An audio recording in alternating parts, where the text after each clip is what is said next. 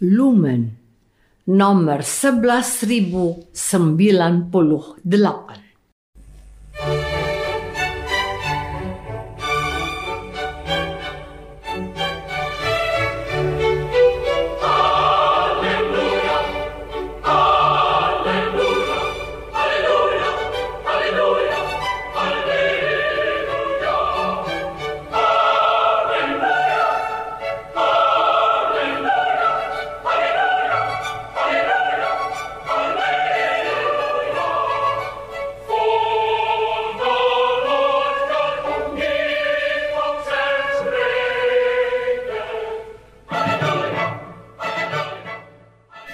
Saudara pendengar di segenap penjuru tanah air, selamat bergabung dengan Lumen Indonesia.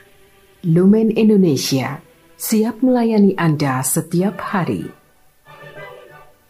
Saudara terkasih, marilah kita bersatu dalam Tuhan kita Yesus Kristus yang tidak berubah dahulu, sekarang, dan selama-lamanya. Allah Sang Maha Rahim mengasihi dan menerima sebagaimana adanya kita Allah Bapa kita di surga senantiasa bersedia menolong, menghibur, dan meneguhkan kita dalam menghadapi segala permasalahan hidup sehari-hari.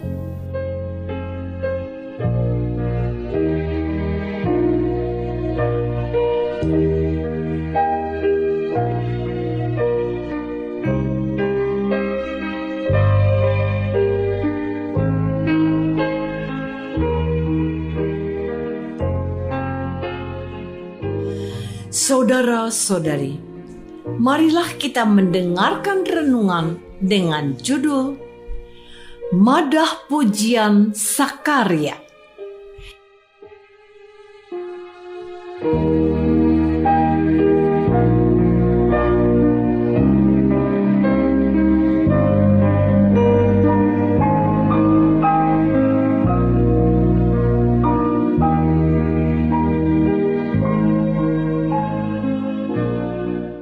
Yang berdasarkan pada Injil Lukas bab 1 ayat 67 dan 68 dan 76.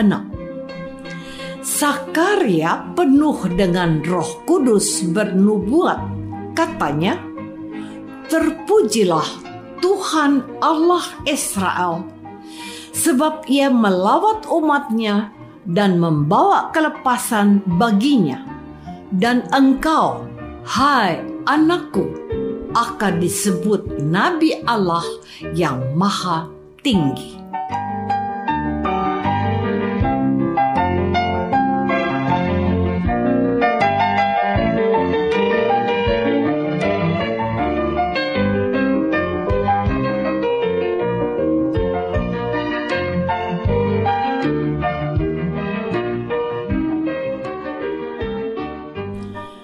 Dalam nama Bapa dan Putra dan Roh Kudus. Amin. Saudara-saudari terkasih dalam nama Tuhan Yesus Kristus. Dalam Injil Lukas kita dapat menemukan dua nyanyian pujian. Nyanyian pujian Maria dan nyanyian pujian Zakaria dan kidung Simeon Lukas bab 2 ayat 29 sampai 32. Ketiga nyanyian tersebut setiap hari didoakan oleh gereja, khususnya oleh para imam dan biarawan dan biarawati. Juga sejumlah awal yang juga mendoakan ibadat harian Doa liturgis ini menempatkan Kidung Simeon pada ibadat penutup atau komplitorium. Kidung Maria pada ibadat sore. Sedangkan Kidung Simeon pada ibadat pagi. Ketiga kidung atau nyanyian tersebut menggambarkan sukacita iman baik dari Maria Sakaria maupun Simeon. Hari ini liturgi gereja mewartakan perikop tentang nyanyian pujian Sakaria. setelah dia terbebas dari hukuman yang menjadikannya bisu karena tidak percaya pada berita gembira dari Allah yang disampaikan malaikat Gabriel, Sakaria, karena pernaungan Roh Kudus memuliakan Allah.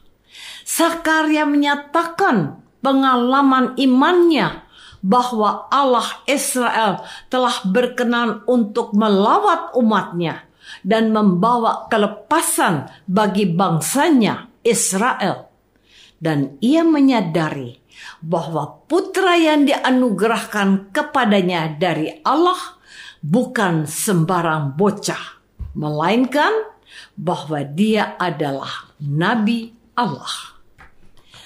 Saudara-saudari terkasih, tentu Sakaria memiliki cukup alasan untuk memuliakan Tuhan. Ia yang sudah tergolong sangat lanjut usianya, juga istrinya bahkan disebutkan mandul, beroleh anugerah memiliki seorang putra. Bukankah di kalangan bangsa Israel, wanita yang tidak memiliki keturunan dianggap dan menjadi aib bagi keluarganya. Aib itu sudah diambil dari mereka. Terlebih lagi, hal itu diberikan di masa tuanya. Memang cukup alasan kalau Sakaria sukar mempercayai berita gembira itu. Namun, telah terbukti baginya bahwa Allah tidak pernah ingkar pada janjinya. Pengalaman imannya itulah yang membawanya untuk bergembira, lalu menyatakan rasa sukacitanya itu dalam sebuah kidung pujian yang diwartakan oleh gereja pada hari ini. Hari ini kita mengalami sukacita seorang Sakaria yang berbahagia, tapi tidak lama lagi kita juga akan merayakan sukacita lain yang lebih membahagiakan, yaitu kelahiran Tuhan Yesus di kandang Bethlehem dari seorang perawan yang bernama Maria. Saudara-saudari terkasih, kelahiran Tuhan Yesus telah diawali oleh kesaksian seorang nabi. Dia adalah Yohanes Pembaptis, anak dari Sakaria. Yohanes adalah nabi terakhir yang secara langsung mempersiapkan tampilnya Yesus di tengah bangsanya Israel.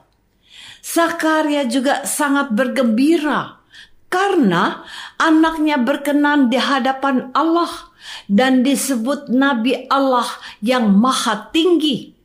Sukacita inilah yang mau diwartakan oleh gereja kepada kita supaya kita juga menantikan kelahiran Tuhan Yesus pada hari raya Natal mendatang.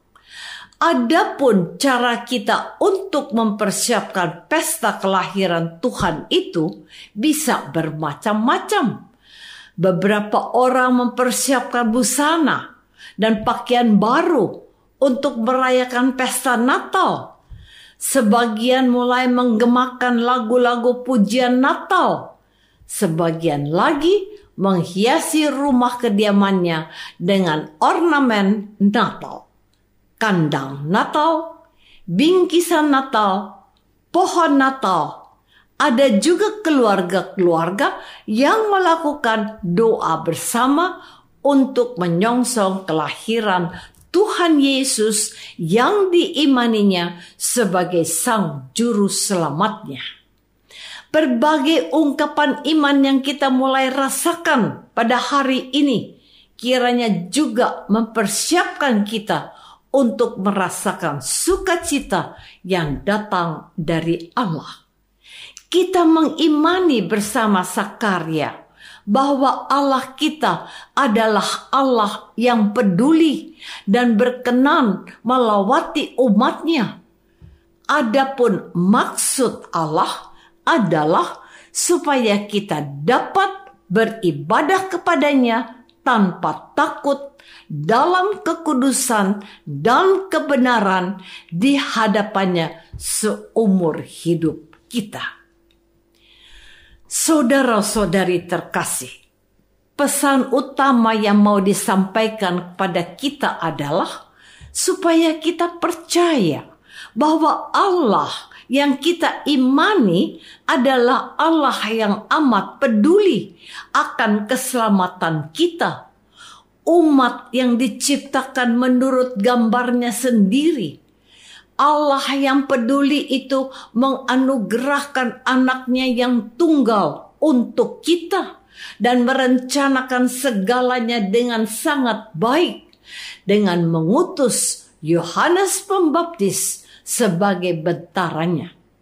Ia dilahirkan oleh seorang perawan yang bernama Maria dan didampingi Bapak Yusuf yang mulia dan setia.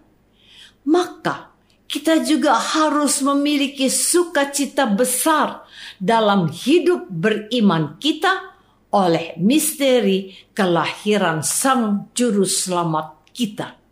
Dialah Yesus Kristus, Anak Allah yang hidup. Cara kita menyatakan sukacita itu bisa saja beraneka ragam. Namun, setiap orang beriman dianjurkan untuk memuliakan Allah bersama dengan Sakaria dan Simeon dan Maria ibunya dengan berdoa, dengan mengakui dosa-dosa dan berbagi kebahagiaan dengan saudara kita yang membutuhkan perhatian dan kasih kita. Gereja Kudus menghendaki umat Allah untuk memuliakan Allah dan mempersiapkan hati dan jiwanya untuk menyambut kelahiran Yesus, terutama di dalam relung hati mereka. Itulah sebabnya sangat dianjurkan untuk menerima sakramen tobat sebelum merayakan Ekaristi di malam Natal nanti dan di hari raya Natal besoknya.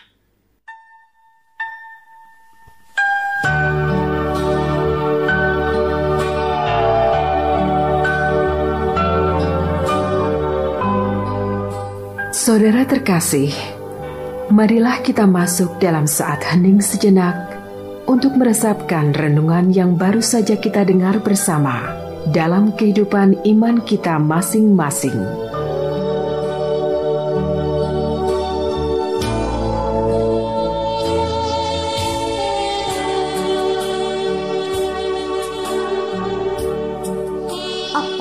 aku sudah mempersiapkan diriku dengan sukacita atas kelahiran Tuhan? Marilah kita berdoa.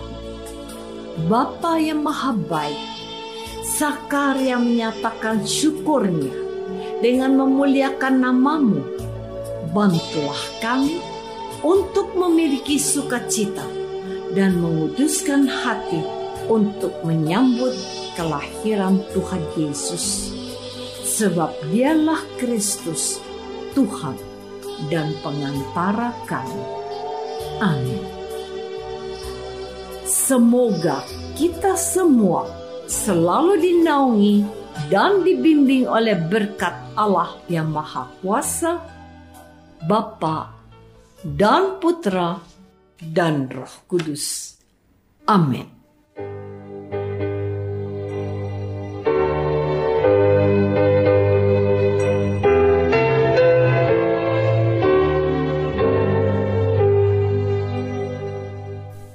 Dengan penuh kasih dan sukacita, Lumen Indonesia mengundang saudara-saudara seiman di segenap penjuru tanah air. Sekiranya ada tanggapan ataupun saran, kirimkan surat Anda ke Lumen Indonesia. Terima kasih atas perhatian Anda. Sampai berjumpa lagi dengan Lumen Indonesia pada waktu dan gelombang yang sama esok hari.